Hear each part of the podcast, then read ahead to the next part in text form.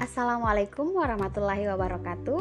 Perkenalkan, nama saya Rizky Amalia, peserta Latsar CPNS Kementerian Kesehatan golongan 2 angkatan 1, nomor urut 31.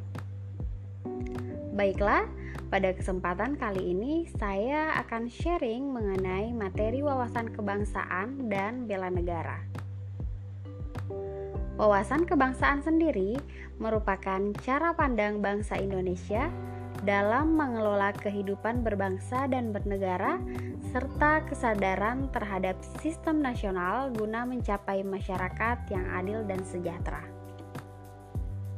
Nah, terlepas dari itu, kita juga harus mengetahui tentang empat pilar kebangsaan, yaitu yang pertama Pancasila, yang kedua Undang-Undang Dasar 1945, kemudian yang ketiga yaitu Negara Kesatuan Republik Indonesia atau yang biasa kita singkat dengan NKRI.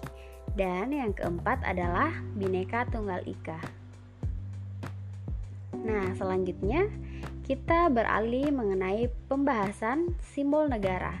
Yang pertama adalah bendera Indonesia yang memiliki makna filosofis yaitu merah berarti keberanian dan putih yang berarti kesucian.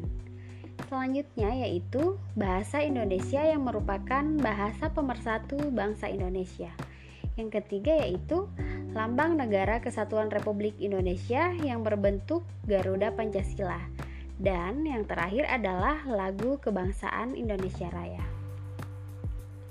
Baiklah, selanjutnya kita beralih ke pembahasan mengenai bela negara.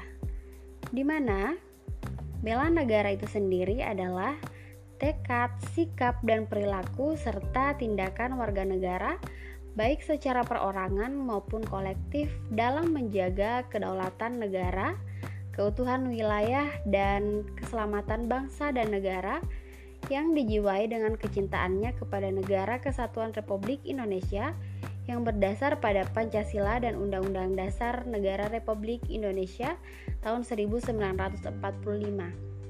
Hal ini juga menjamin kelangsungan hidup bangsa Indonesia dan negara dari berbagai ancaman.